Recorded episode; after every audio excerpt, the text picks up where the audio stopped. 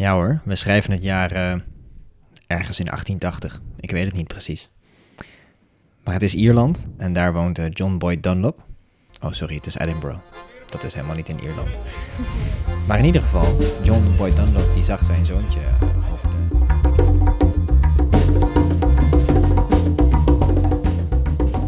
Hallo en welkom bij een nieuwe aflevering van Voortdurend Verlangen. Leuk dat je luistert. We gaan dit keer een historische context geven aan de fiets. Want er is allemaal gedoe rondom de parkeerregeling in Amsterdam. En dat riep bij ons de vraag op hoe zit dat eigenlijk met die infrastructuur in Nederlandse steden. Wat al snel weer de vraag opriep, waarom is die fiets zo populair? En dat zit hem in iets meer dan alleen maar dat Nederland plat is.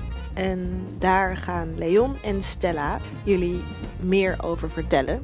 En ik ben Anne de Leek, dus had de eer om vragen te stellen. Ehm, ja, heel veel luisterplezier. Maar in ieder geval, John Boyd Dunlop die zag zijn zoontje eh, over, de, over de klinkers rijden met zijn driewieler. Over, met harde rubberbanden. En hij bedacht, daar is een oplossing voor. Ehm, binnenbanden. En de productie van rubberen fietsbanden die daardoor ontstond, heeft onder andere de Belgische koning vooral heel veel opgeleverd. Want die had zich net eigenaar gemaakt van eh, Congo in Midden-Afrika, waar je eigenlijk helemaal niks mee kunt, buiten heel veel rubberplantages starten. Daar eh, leeft het eh, Belgische Koningshuis ongeveer nog steeds van. Ehm, het heeft John Boyd Dunlop nooit zo heel veel opgeleverd, want na vijf jaar heeft hij zijn patent weer verkocht. Dus tragische zaak. En het heeft heel veel ellende veroorzaakt in Congo. Het heeft heel veel ellende veroorzaakt in Congo. En het heeft ook eh, de basis gelegd, denk ik, voor eh, waar wij het vandaag over gaan hebben. Namelijk vervoer. Ja, leuk. Want er is weer een probleem in Amsterdam met parkeren. Veel te veel eh, auto's. Ehm, en de oplossing daarvoor is uiteraard de fiets. En dat is in Nederland natuurlijk een enorm succes, de fiets. En wij willen eigenlijk kijken hoe dat komt, dat de fiets zo'n groot succes is. Waarom fietsen wij zoveel? Eh, hoe is dat een beetje ontstaan met als case study Almere? Almere. En daarna gaan we het nog in historische context plaatsen. Nee, sorry, in, in, in internationale context. Eh, want andere landen zijn ook bezig met de fiets. Want die worden enthousiast van het Nederlandse fietsland. Dus die willen dat ook. Maar eerst, hoe ontstaat zoiets in Nederland? Dat, eh, hoe, wordt dat, hoe wordt daar beleid op gemaakt? En hoe wordt dat gestimuleerd dat een fiets zo goed werkt? Maar Leon, jij komt uit Almere. Hallo, ja, ik kom uit Almere, ja. Mag ik het eindelijk over mijn trotse stukje land hebben? Prachtig stad. Nieuw gecreëerd. Ooit nog gekozen als lelijkste stad van het land. Maar inmiddels, eh, nou, we zijn weer ingehaald door Tilburg. Maar de zevende stad van het land, hè? Oh. Ja, grote boel hoor. En veel fietsers. Veel fietsers. Ja. Daar heb ik eh, twintig jaar van mijn leven rondgefietst. Willen we het ook hebben over hoe in het algemeen Nederland eh, zo'n fietsland is geworden? Ja, graag, als jij daar iets over weet. Want je hebt dat hele mooie BBC-artikel doorgestuurd. Mhm. Eh, en dat eh, is heel grappig, want de Engelsen, de Britten, die vroegen zich opeens misschien vanwege de Brexit af: Nederland, hoe is het daar? Ehm, en wat doen ze daar met al die fietsen? Er kwam een mooi artikel uit over de 70s Velorution. Dat moet een revolution lijken, maar Oké. Ik vind het lastig Oh, als ik het Ja, fiets. de Velorution, ja. Fietsolutie. De fietsolutie, dat klinkt echt veel beter. Ja. Zo, Oh, ik denk dat we de titel, titel hebben. Ehm, Dat was in de 70s. In de 70s, ja. ja. Ehm, en in Nederland is eigenlijk een, een bizar grappige eh, samenloop van omstandigheden. Nou, grappig. Een bizarre samenloop van omstandigheden bij elkaar gekomen toen eh, in dit kleine land, zoals eigenlijk overal ter wereld, eh, de auto steeds een grotere rol kreeg. Met toenemende welvaart gingen er steeds meer mensen een auto kopen. In de jaren 50. In de jaren Tweede 50, Wereldoorlog. jaren 60. Eh, en dat leidde tot steeds meer en meer verkeersdoden. Ach, Ehm, en toen op een gegeven moment het, het zoontje van een journalist overleed door een auto-ongeval. Ehm, heeft die journalist daar een stuk over geschreven en is er een protestactie begonnen. Stop de kindermoord. nee. Ik zei al, leuke samenloop van omstandigheden. Ehm, en, en in 1973 natuurlijk ook hadden we de grote oliecrisis. Eh, en, en dat zegde eigenlijk voor de Nederlanders in die tijd, iets wat we ons vandaag slecht herinneren, denk ik, een beetje het vertrouwen in de fiets op. Ehm, Oh. Huh? of, eh, sorry, het vertrouwen in de auto. Oh, oké. Dat zegde voor de Nederlanders een beetje het vertrouwen in de auto op. Wat grappig. Dus Deze- dat komt door de oliecrisis en door een, een kindje En door de, van een de kindermoord. Ja, de ja, kindermoord. Ja. Oh, wow, want Ah. iedereen zegt altijd Die protesten. dat Nederland zo plat is. Ja, Oh. ja, klopt. En ik wist dat ook niet. Ik, zit, ik probeer honderdduizend toeristen per dag uit te leggen waarom wij toch allemaal fietsen. En er zijn allemaal theorieën over. Ik, dit is het duidelijkste verhaal dat ik ooit heb gezien. Maar in de protesten tegen de aanleg van wegen? Ja, Dat- dat is inderdaad nog een bijkomende factor. Want daar hebben wij het natuurlijk heel vaak over gehad. De Nieuwmarktrellen in Amsterdam, die eh, toen er plannen waren om een snelweg door Amsterdam aan te leggen. Misschien kun jij dat zelfs wel beter vertellen dan ik. Ja, nou, er waren plannen inderdaad om eh, dus een, eh, een weg aan te leggen vanaf Amstelstation naar Amsterdam Centraal. Ehm, ja, of ja, de, en de Wieboudstraat is daar eh, nou, het eerste gedeelte van die ook is gerealiseerd. maar die loopt dus tot Waterloopplein. Want daar, eh, nou ja, daar zijn heel veel protesten toen geweest. En mensen hebben echt geweigerd om weg te gaan. En ehm, ja, de gemeente die heeft dat gevecht verloren. Dus ze zijn daar gestopt met de bouw. En daardoor is er dus gewoon geen ruimte gemaakt voor de auto in dat gedeelte van Amsterdam. Ja, dus dan blijf je maar op een fiets. En die andere argumenten zullen ook wel meer ook nog een rol spelen dat Nederland plat is. Dat, het, dat de Zeker. steden dicht bij Ja, elkaar liggen. Dat de steden niet zo groot zijn. Ja, precies. Want ja, in Amerika is ook bijvoorbeeld alles helemaal ingericht naar auto's. Dus dan Ja. is het ook al, En wat ik als denk dat steden ook zijn. een eh, argument is dat in ehm, Nederland ehm, waren heel veel stadsstructuren waren er al. Je ziet bijvoorbeeld in Rotterdam, daar, dat is flink gebombardeerd. En daar is dus ook meer ruimte gekomen voor de auto. Ah ja, En heel veel steden in de Verenigde Staten zijn ook, hebben zich meer een soort, die hebben niet zo'n historische kern. Dus die konden zich echt nog richten op het maken van die autostraten en zo. Ja. Maar ik moet zeggen dat in veel historische kernen is er toch bizar veel ruimte gemaakt voor heel veel auto's hoor. Dat als je dat. Het argument van de historische kern heeft ertoe geleid dat we meer fietsen dan de auto's. Ik denk dat er ontzettend veel gesloopt is voor die auto. Toch wel. Ja, ja. Maar in Amsterdam dus niet. Nee, in Amsterdam valt het op zich mee. Ja. Buiten het feit dat heel veel grachten gewoon wel verdund zijn. En dat in de Jordaan 9 van de 13 grachten, of iets minder, 7 van de 13 grachten zijn dichtgegooid. Echt? Om Dat de auto veel te meer. faciliteren. Ja, Oh, wow. nou, 13 grachten ooit. Maar wil jij nog verder aanvullen over eh, wat je had gelezen? Ja, want, eh, want dan hebben we natuurlijk eh, Almere. Ja, dat is belangrijk. Een ontzettend belangrijke stad in dit land. Want Eh, er is dus ook niet alleen eh, kindermoord, maar er is ook echt beleid toen geweest. Er is daadwerkelijk eh, beleid. En het grappige is dat Almere, de ontwikkeling van Almere is begonnen vanaf de jaren 50 toen de IJsselmeerpolders gereed waren ehm, als landbouwgebied. Waarin een aantal groeikernen moesten komen die de groei van Amsterdam moesten afvangen. Oh ja. En Almere was daarvan de kleinste. Lelystad moest de grootste worden. Ehm, en het originele idee was dat, nou ja, bedenk even de tijd die het was, de jaren 60, 70, dat deze ontwikkeling gaat spelen. Dat wordt natuurlijk een autostad. Dat wordt ideaal, want je hebt een lege kaart en je mag het zelf gaan intekenen en iedereen die ging een auto kopen. Sterker nog, in de eind van de jaren 70 heb ik al in de rapporten gevonden, daalde het fietsgebruik nog steeds Oh, door de opkomst van de auto. Terwijl nu stijgt het fietsgebruik volgens mij nog steeds. Of weer. Ehm, het grappige is, Almere is helemaal niet ingericht op de auto. Er is een, Het is heel interessant Ja, eigenlijk. dat is heel raar. dat is Omdat- echt een paradox. Ja, Ja.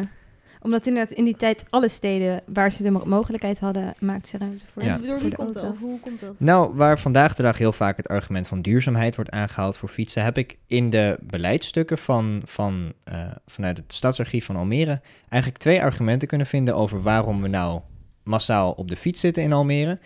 En dat is eh, dat er ten eerste wordt gekeken naar eh, dat er al werd vastgesteld dat heel veel mensen fietsten, zelfs al op dat moment. Ja. Eh, ze hebben statistieken over welk deel van het woon-werkverkeer op de fiets gaat, et cetera. Ehm, buiten Almere is dat. In het begin werd Almere namelijk door de Rijksoverheid ontwikkeld. Ehm, en dan moet ik even zoeken. Dat is ook wel tof, dat er wordt gekeken naar hoe de situatie was. Want dat is ook niet van die tijd. Daar werd een situatie gecreëerd naar beelden en niet naar Ja, wat mensen doen of willen. Ja, en er was heel erg een geloof in de maakbaarheid van de samenleving. Ja, precies. Dus Ja, je maakt het met gedachten, Ja. niet met wat er al is. klopt. Ja. oké, stadsinrichting. We gaan weer terug. Ehm, ik heb het gevonden hoor, Eh, pagina 56. Ehm, heel specifiek worden er twee redenen genoemd waarom de fiets in Amsterdam centraal staat. Of in Almere centraal staat. En dat is dat er als eerste wordt gekeken naar het ruimtegebruik. Ze hebben gekeken hoeveel ruimte neemt een, een voetganger in op straat. Dat is 0,75 vierkante meter. Oh, wat geweldig. Oh, Hoeveel ruimte neemt een fiets in op straat? 6,7 vierkante dat is meter. veel. Huh? Dat is veel, hè? Ja? Ja, 6,7 maar dat is natuurlijk een meter. veel sneller bewegend Oh, je object. moet remmen en zo. Van alles, ja. Ja. En hij, hij parkeert Oh ja, en het is een eh, object. nee. Ehm, eh, een motorrijwiel, dus een motor, eh, neemt 18 vierkante meter Oeh, dat is op veel straat. meer. Dat is veel, hè? Ja. Ja. Dan ga ik nu vast eventjes naar, naar de bus. Ik sla even een stapje over. Echt zo genut. Eh, ja, zeker, ja. En daar in een bus is eigenlijk weer grappig. Gemiddeld neemt men daar maar 3,2 vierkante meter ruimte in. En dat Oh ja, is inclusief bus, in busbaan zitten. en alles. Ja, maar er zitten zoveel mensen op elkaar gepropt. Ja. Ehm, en dat is bij een specifiek beladingspercentage. Ja, de goede Ja, statistiek uitgevoerd bij, hier. Bij hoeveel was bij, bij de mensen die lopen? 0,75. Oh ja, en dit is 3, 2. Dus de bus is minder dan de fietser. De, de bus is twee keer zo weinig als de fietser. Ja, en, en de tram neemt zelfs maar 2 vierkante meter in. Want die, die is eigenlijk ook niet bewegelijk. Die zit gewoon op zijn trambaan. Ja, precies. Dus dat is heel weinig ruimte. De auto. Willen jullie een gokje wagen? Ja, dat wil ik. Ehm, 40. Dat vind ik een goede gok. hoeveel was nou ook weer de motor? 8. De motor was 18. 18. Oh, sorry. Ik had het verkeerd onthouden. Ik denk 30 tegen de Ja, 30. het is inderdaad 30 vierkante meter. Oh, Ja. Eh, helaas. ja. U gaat door voor de koelkast. Ik wil geen koelkast. Ehm, maar voordat dit eh, te lang gaat duren. De, de personenauto neemt dus 30 vierkante meter in. Dus de, de, de ruimtelijke indeling van Almere dacht men heel simpel na. Goh, ja, eh, dat is eigenlijk wel veel. Ja. Dat is heel inefficiënt. Er moeten allemaal parkeerplaatsen voor worden aangelegd. Misschien moeten we dat helemaal niet doen. Misschien moeten we er gewoon voor zorgen dat zoveel mogelijk mensen met het openbaar vervoer en met de fiets gaan. Wat een, Of gaan wat lopen. een bizar slimme mensen zaten daar. Dat is redelijk slim, hè? Dan was er nog een ontwikkeling. Moet ik ook weer even voor zoeken. Verkeersveiligheid is het tweede argument. We hebben het natuurlijk over de kindermoorden gehad, hè? Ehm, de kindermoorden. echt-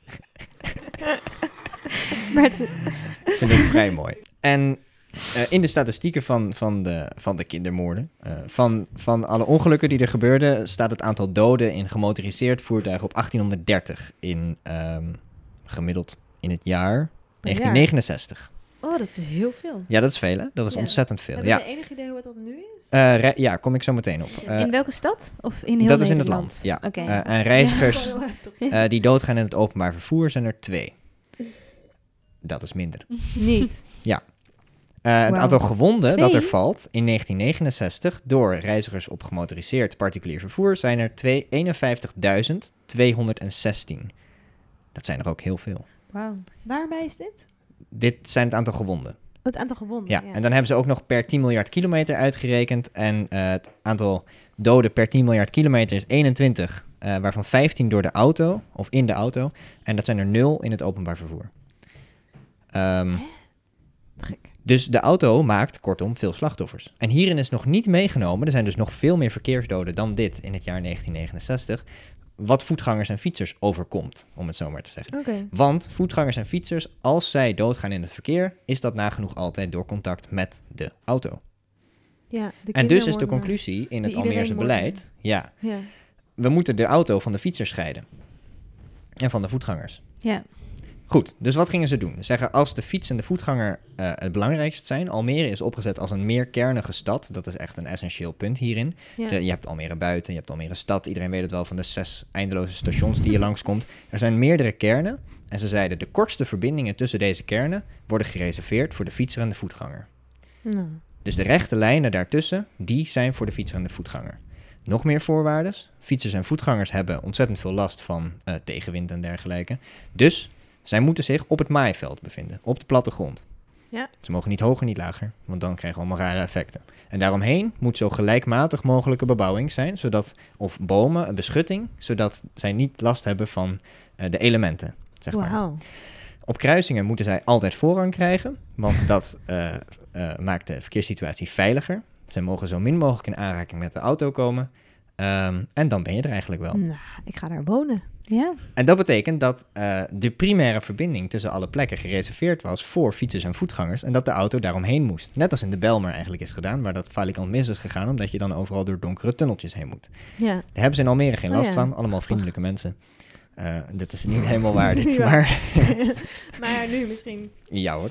Maar Ehm, mag ik jou wat vragen? ja, Want jij komt dus uit Almere. Heb je het ook altijd ervaren dat je daar makkelijk kan fietsen? Of, of ervaar je dat als inwoner niet? Ja, zeker wel. Ja, Ja. Ik, ik, maar ik fiets dan ook snel. Maar ik claim altijd dat ik overal sneller kan zijn met de fiets dan met de auto. En dan is zelfs ook het infrastructuurnetwerk voor de auto redelijk goed. Want je, hebt, je hoeft nooit rekening te houden met fietsers. Je komt ze eigenlijk niet tegen. Er is ongelijkvloerse kruisingen. Je, komt, je hebt nooit een treinoversteekplaats. De trein is ook ongelijkvloers. Ehm, dus dat zijn, er zijn allerlei eh, aanpassingen aangedaan... dat iedereen zich vrij efficiënt door de stad heen kan bewegen. Ja. Ook op basis van het feit dat een auto zegt... ze heeft geen last van afstand en heeft eigenlijk ook geen last van elementen. ja. Dus het maakt niet uit hoe hoog of laag we hem zetten. En het maakt er ook niet uit hoe lang het duurt. Want daar is hij toch ongevoelig voor op een bepaalde manier. Dus het heeft ook gewerkt, dit beleid. Vind ik wel. Ja. Vind ik wel. Ja. Is niet iedereen het mee eens, denk ik. Nee? Ehm, ja, zoals je ziet in de Belmer, wat in, de in dezelfde tijd ontwikkeld is, is het falikant misgegaan. Maar omdat daar het was een gevoel van onveiligheid centraal, creëert. toch? Nee, want die rijdt ook op, op dreven eigenlijk. Dus je moet Ah. eerst de wijk uit en dan ga je Ja. op hoger niveau ga je rijden. Ja. Eh, en de directe verbindingen tussen wijken worden gevormd door fietsers- en voetgangerstunnels. Hm. Eh, maar het creëert een gevoel van onveiligheid. Oké. Ehm, dat is eigenlijk in het, in het heel kort eh, Almere. En daar zitten dan al allerlei interessante dingen in die, in die, in die beleidsstukken. Als mocht nou ooit eh, brandstof en zo een kwestie worden. Dan, eh, Wauw, vooruitgedacht. ja, nou op een bepaalde manier wel. Maar bedenk eventjes, in 1972 was er al een rapport van de Club van Rome. En wist Shell ook al dat klimaatverandering een ding was. Nou, in ieder geval in Almere zeiden ze, mocht het echt heel erg in de context van dat, dat daar hoeven we ons nu echt geen zorgen over te maken. Dan eh, zitten we in ieder geval alvast bij de fiets en bij de, bij de voetganger. Dus dan, dan maakt het ook, niet zoveel uit. Ja, Ehm, en dan moeten we maar even kijken hoe dat zit dan met afstand en zo. Want eh, het gevolg is wel dat je, dat je eigenlijk meer rijdt.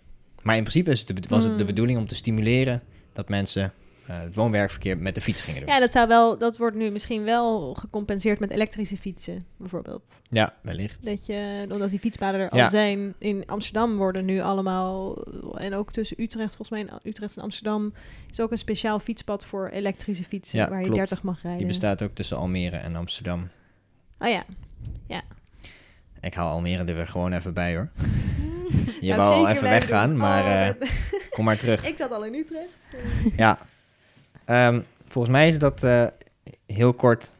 Almere. Maar, want dat is dus, dit is dus Almere is een voorbeeld van beleid dat in Nederland wordt gevoerd aan de hand van de kindermoord eh, op fietsen. Dus de fietsen worden gestimuleerd. Ja. Eh, en er zijn nu heel veel andere landen. Ik heb het deze zomer ook ervaren in Lyon. eh, dat daar ook allemaal deelfietsen zijn en fietspaden worden aangelegd die ineens weer stoppen bij een trap of zo. Of, eh, het werkt nog niet helemaal, maar eh, er wordt aan gewerkt. Ehm, dus er, zijn, er is meer aandacht voor de fiets. Ja, Echt zeker. steeds meer. En Ja, mensen komen van overal over de wereld naar Amsterdam en Almere toe om te vragen hoe wij dat toch gedaan hebben. ja. nou, het is inderdaad wel grappig. Je hoort het wel, eh, wel veel van toeristen. Het is vaak wel iets wat hen opvalt. Jezus, wat zijn hier eh, veel fietsen. En, eh, en hoe, ja, Ja, hoe, hoe komt dat? Maar Wa- hoe wordt het waarom rijden ze internationaal aangepakt? Of bij Ja, andere landen? Nou, zijn daar ehm, voorbeelden van? Je ziet tegenwoordig heel veel, ehm, heel veel deelfietsen, eh, systemen, bedrijven ehm, ontstaan op allerlei verschillende plekken in de wereld. En het is wel leuk om weer een beetje terug te haken misschien op, op wat Leon net vertelde over hoe eh, de fiets dus in de begin jaren 70, jaren 60 eh, nou ja, zich heeft een voor een plekje heeft gevochten in Amsterdam.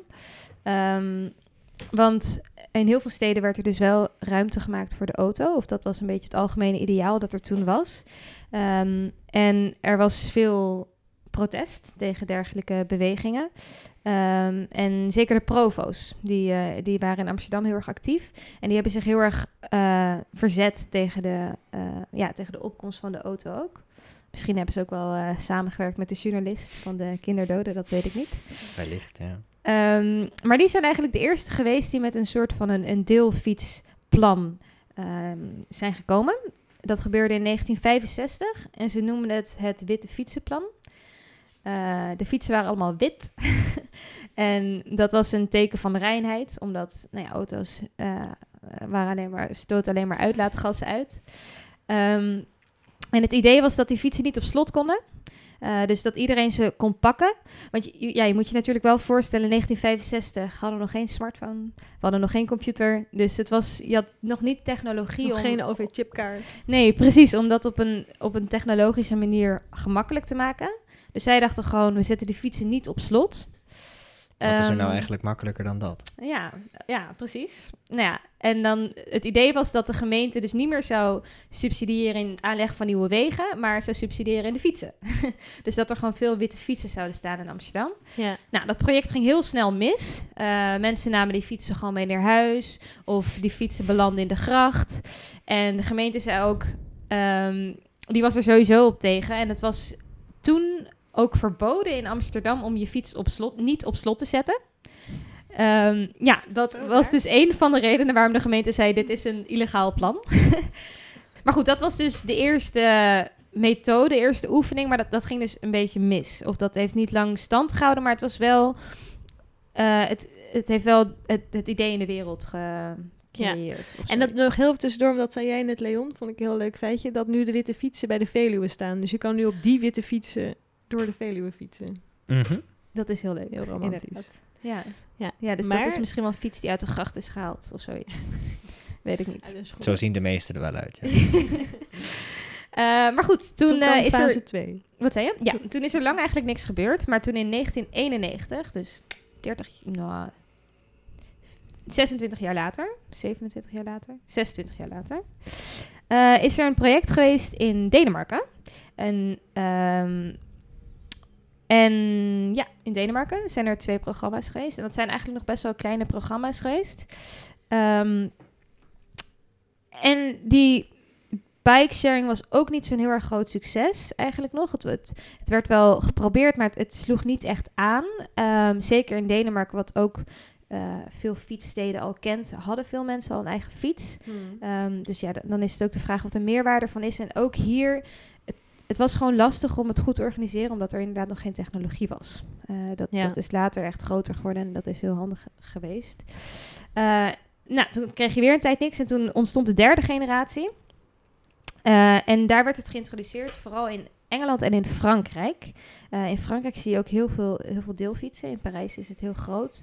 Jij was in Lyon deze zomer. Ja, elke stad hebben ze het. Ja, ze hebben heel veel, heel veel deelfietsen. Ja. En het is inderdaad echt een, ja, een poging geweest van, van de Franse overheid. Of maar eigenlijk overal waar ze die deelfietsen hebben geïntroduceerd. Om mensen dus te motiveren om meer te gaan fietsen. Omdat dat dus blijkbaar niet een vervoersmiddel was dat daar. ehm, De Ja. eerste keus had. nee, precies. Of wat daar, ja, wat daar heel erg aanwezig was. Ehm, dat was wel een, een best groot succes. Ehm, en je had daar vaak, zoals je vaak in Parijs ziet, dat je dan een fiets ergens neerzet, maar dan moet je het wel op bepaalde plekken weer terugbrengen, zeg maar. Dus ja, je hebt, die plekken zijn wel op veel plekken in de stad, maar je bent in die zin wel nog gebonden aan die plekken. En dat kan soms onhandig zijn of zoiets. Als je net ergens anders bent of net ergens anders heen moet. Ehm, en nu zitten we eigenlijk in een vierde fase. En we zien nu dat er ook heel veel bikesharing wordt geïntroduceerd in, in China, maar eigenlijk ook in Mexico, in, in Chili, in Nieuw-Zeeland, Zuid-Korea. Sorry, Zuid-Korea. Staat hier South Korea. Zuid-Korea en Taiwan en de Verenigde Staten ook heel erg. Ehm, en we zitten nu natuurlijk in een enorme technologische vooruitgang eeuw. Ehm, en, en hoe het nu wordt gedaan is via een telefoon. En eh, het idee was dat je die fiets dan overal neer kan zetten. Dus dan was dat probleem opgelost eh, met dat je naar bepaalde locaties moet, moest brengen. ja, en dan kan de gemeente het weer terugvinden met het chipje dat in de fiets zit. Ja, exact. Alleen het probleem daarvan weer is dat, dat er opeens overal fietsen staan en dat die zich ook soms centreren op bepaalde plekken. Dus ehm, we begonnen deze podcast met dat er een parkeerprobleem is voor auto's. Nou, en dit is ook weer interessant, denk ik. Eh, Misschien moet ik hier even inhaken, want ja, er is dus leuk. Niet lang geleden, vorig jaar, een poging gedaan om weer zo'n deelfietsproject op te starten in Amsterdam. Er zijn verschillende bedrijven geweest die nadat Amsterdam jaren heeft gewerkt om die puinzooi van fietsen rond Centraal en rond het Leidseplein eens een beetje geordend te krijgen. Die zeiden, hier, 2500 fietsen in het centrum. Veel plezier ermee. En toen zei de gemeente Amsterdam, hè, dus naar de rechter gestapt, en die hebben gezegd, ja, de rechter, dit bedrijf heeft zijn vestiging in de publieke ruimte. Ja. En dat mag niet. Want ze hadden Ja. niet van die vaste rekken als in Frankrijk, Nee. maar gewoon random fietsenrekken. Ja, Ja. En toen zijn ze dus allemaal weer uitgetrokken. Ja, nou ja, dat zie je dus in China heb je dus ook eh, zo'n beweging gehad. Want eh, de, de fietsen waren in het begin echt heel, ja, heel succesvol. En iedereen omarmde het project echt. Omdat nou, er werden ook fietspaden aangelegd. En het was gewoon een nieuwe manier van transport. Maar toen opeens was het shit. Maar eh, ze parkeren ze wel allemaal op onhandige plekken. En zo krijg je heel veel opstoppingen met allemaal fietsen. En toen zijn heel veel gemeentes in heel veel Chinese steden... die, die zeiden op een gegeven moment... jongens, eh, die fietsen moeten beter geparkeerd worden. En ze, dus er zijn bepaalde... Tegen de bedrijven van die die fietsen hadden, toch? Ja, ja. precies. Jullie ja, zijn want, verantwoordelijk. Ja. ja, want dat was ook zo'n ding. Op een gegeven moment ontdekten eh, nou eh, ondernemers in China dat dat best wel een markt is waar, waar geld in te verdienen viel. Dus er zijn toen heel veel bedrijven gekomen. Ehm, maar hoe dat vaak werkt, uiteindelijk zijn er maar een paar monopolies die het echt weten, eh, ja, die, die de markt weten te beheersen. Ehm, maar goed, al die bedrijven die soort van die wedstrijd hebben verloren, hadden wel al die fietsen staan in de stad. En wat gebeurt er dan met die fietsen? Dus ehm, het is leuk om, eh, om, om hier foto's, of nou ja, leuk, het ziet er ook een beetje gek uit. ja, we kunnen het wel beschrijven, denk ik. Ja, om, om hier. Nou, er zijn dus ook foto's van gemaakt in de Chinese of eh, gemeenten in heel veel Chinese steden. Die hebben dus besloten tot ja, het, het verzamelen van die fietsen en die eigenlijk dumpen op een bepaalde plek. Die plekken heet ook echt fietsbegraafplaatsen. Wat is dat in Chinees? Fietsgraven. Ja, Kwaka? Nee, sorry. Heel flauw. Heel flauw. sorry, het was Sorry. ook van mij flauw. Ja, Dat klonk meer als die eend van Anne. Ehm, nou, dat is heel indrukwekkend. In totaal in Beijing heeft de gemeente 30.000 fietsen verzameld. Op hopen gelegd. En op hopen gelegd. Nou, we hebben net die foto gezien, dat is echt... We zullen het wel op internet zetten. Dat is echt gewoon... Ja. echt, je krijgt er tranen van in je ogen. ja, dus aan de ene kant kan je denken... wow, eh deelfietsen, super duurzaam project. Maar ja, als je dan zo'n fiets ziet, foto ziet... dan denk je, dat is toch niet zo heel duurzaam of zo. Als je dat allemaal maar eh, gaat gooien in de stad... en voor de rest er mensen niet gebruik van gaan maken. Ja. Dan is het duurzamer om iedereen gewoon een fiets te laten kopen. Ja. Maar, maar is dan de oplossing om maar gewoon in al die landen een beetje kindermoorden te gaan, te gaan plegen? Want ik vind het zo jammer. En het is, Nee, dat is niet de oplossing. Maar ik denk gewoon dat, de, dat, je, dat, je, dat je misschien wel kan concluderen dat... De, nou, niet gewoon, maar dat je misschien wel kan concluderen dat de deelfiets niet werkt. Dat dat project niet werkt. Dat mensen gewoon een eigen fiets willen hebben die ze ja, ik weet dat niet. kunnen gaan, parkeren. ja, Ik En- denk dat het in sommige steden wel werkt. Ja, Ik- want- want in Parijs is het bijvoorbeeld wel een heel groot succes. Ja, dat is en in waar. New York gaat het best goed. Ja, dat Maar- is waar. Ik denk dat het inderdaad ook... Het ligt gewoon aan de structuur van de stad waar je het in eh, implementeert. Ja, maar die kun je aanpassen. Nou, dat is, vrij, dat is gebleken dat dat heel erg lastig is. Ja. Om de mobiliteit in een stad te veranderen als een stad eenmaal een dynamiek heeft. Dat is zo complex. Dat is, eh, je merkt het nu al bij de, verkeer, eh, de parkeerkosten gaan dus omhoog in Amsterdam. Ja. Hoeveel protest dat oplevert. En het gaat niemand, het gaat niks helpen ten eerste. En ten tweede doet het degene die het meest parkeren niet pijn. Want dat zijn de bewoners die er de hele tijd staan. En die betalen er veel minder voor. Ja, maar het is dus heel, echt, echt heel erg lastig om een eh, mobiliteitsdynamiek te veranderen in een stad. Zeker als je ook naar steden in de eh, Verenigde Staten gaat kijken, die zijn over het algemeen heel erg, heel erg wijd verspreid. En heel, er zijn gewoon wijken die ingericht zijn op die auto. Hoe ga je dat oplossen? Ja, je kan, dat, dat is bijna onmogelijk, ook om een openbaar vervoernetwerk eraan te leggen. Dat moet zo ongelooflijk verspreid worden, dat dat Mm. heel veel geld gaat kosten. Ja, ja. Ja, we moeten een beetje afsluiten, want ja. we lopen uit de tijd. Wow. Maar ehm, ja, goede vraag om achter te laten. Is het een goed idee? Hoe ervaar jij het? Ja, of ik. hoe, hoe kunnen we toch zorgen dat we de mobiliteit in steden veranderen? Ja, precies. Ja, ja want ik denk Ja. dat het wel misschien leuk... Ik, ik vind de fiets heel erg mooi daarin. Omdat het, naar mijn idee, een vervoersmiddel is dat af is. Het is er, ho- er hoeft eigenlijk niks meer aan ontwikkeld te worden. De fiets is mechanisch gezien nagenoeg perfect. En hij is simpel. En hij, hij kan praktisch overal worden toegepast. En hij is goedkoop om te maken. En, en het is gewoon zoveel sneller en efficiënter dan lopen. Je kunt er echt een, een, een tijdstap mee maken. Een ontzettende winst mee maken. Ja, Ehm, hier ik praat een van vakantiefietser. ja, nee, ik, ik droom van, van steden met fietsen. Ja, Eh, ik ga gewoon overal fietsen om ze te laten zien dat het wel kan. Ja, precies. denk ik. Ja. Ja. en het geeft steden gewoon een veel, meer, veel menselijkere schaal. Waardoor het Ja. veel socialer wordt. Als je op de fiets en iemand tegenkomt, kan je stoppen om te praten. Als je in een auto zit en je komt iemand tegen, Dan kan je stoppen om te praten. nou ja, en dan moet je krijg je... parkeerplaats vinden. Ja. Dat is allemaal veel complexer. Ja, oké, we moeten afsluiten. Maar heel veel dank. Ik vond dit heel leuk. Echt heel fijn om, eh, om te horen. Moeten we, willen we nog ehm, de, de, de luisteraars suggesties meegeven om te lezen of te doen? Misschien artikelen of, of, of een Ja. bepaald fietsmerk. Ik heb eigenlijk wel wat. Eh, dat sluit hierop aan. Het is een documentaire. Die documentaire heet Human Skill. Ehm, en dat gaat erover hoe we steden ook in zijn mobiliteit, maar menselijker moeten maken. Dus meer op menselijke schaal. Hmm. Ehm, nou, het is gewoon een hele mooie documentaire. Ze halen heel veel voorbeelden uit heel veel verschillende steden op, aan de, van de wereld aan. Hmm. En eh, het beschrijft allerlei projecten waarbij de stad wel op menselijke schaal is gemaakt. En daardoor fijn is om je daardoor op de fiets of lopend te bewegen. Ja, gaaf. Hoe heet die nog een keer? Human skill. Human Skill. Ja. Heb jij nog iets, Leon? Nou nee, ik ben, ik ben geïnspireerd eh, voor dit onderwerp. Deels door mijn eh, liefde voor de fiets. Maar, En, voor mijn Almere. liefde voor Almere.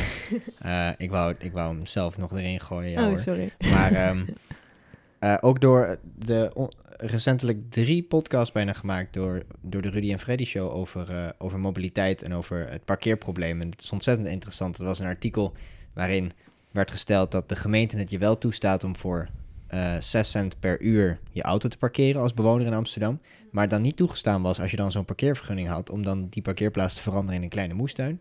Ehm, Hmm. En gewoon 40 euro per jaar te betalen voor die moestuin. Vonden ze dan weer niet goed. Vond ik vreemd. Hmm. Ja, dat is jammer. Eh, dus ik zit eens te denken. ehm, hoe zit dat met die publieke ruimte? Maar misschien moeten we eens Mm. kijken voor de deur wat we kunnen doen met die parkeerplek. Ja, ja, leuk. Ja, wat zou je er wel kunnen parkeren? Ja, Misschien een auto met een moestuin erin. dat vind ik echt een heel goed idee. Ehm, mijn suggestie is het boek Amerikanen lopen niet. Eh, ook van de correspondent.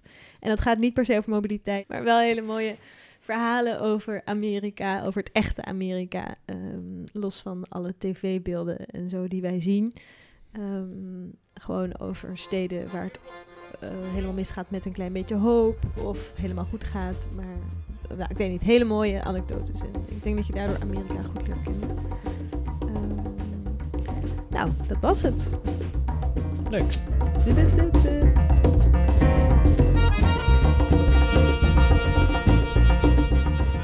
Dank voor het luisteren. Wie weet fiets je nu wat anders door eh, ons kikkerland. Ehm, we zijn er over drie weken weer. En in de tussentijd kun je ons altijd mailen op voortdurendverlangen.gmail.com. Eh, en via daar kun je ook in de mailinglist. Dan krijg je elke drie weken de podcast toegestuurd. Oké, tot de volgende.